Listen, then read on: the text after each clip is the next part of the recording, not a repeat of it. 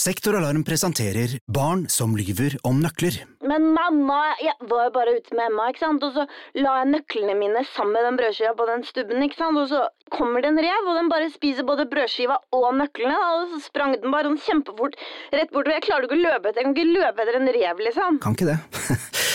Akkurat nå har Sektoralarm kampanje på boligalarm og dørlås med kode istedenfor nøkler, slik at barna alltid kommer hjem til en trygg bolig. Les mer på sektoralarm.no.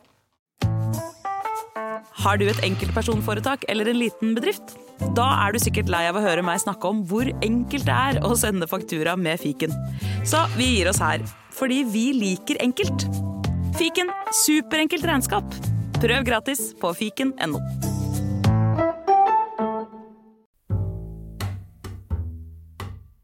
I dag skulle jo egentlig kommet en episode, sa Morten. Hvor blir det av den?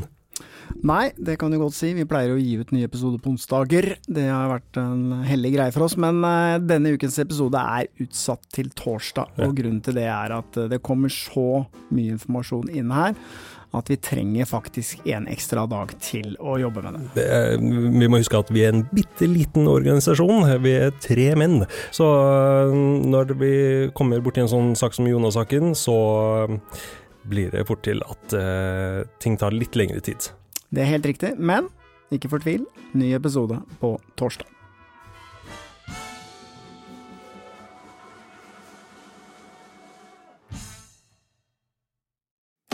Har du et enkeltpersonforetak eller en liten bedrift? Da er du sikkert lei av å høre meg snakke om hvor enkelt det er å levere skattemeldingen med fiken, så vi eh, gir oss her. Fordi vi liker enkelt. Fiken superenkelt regnskap.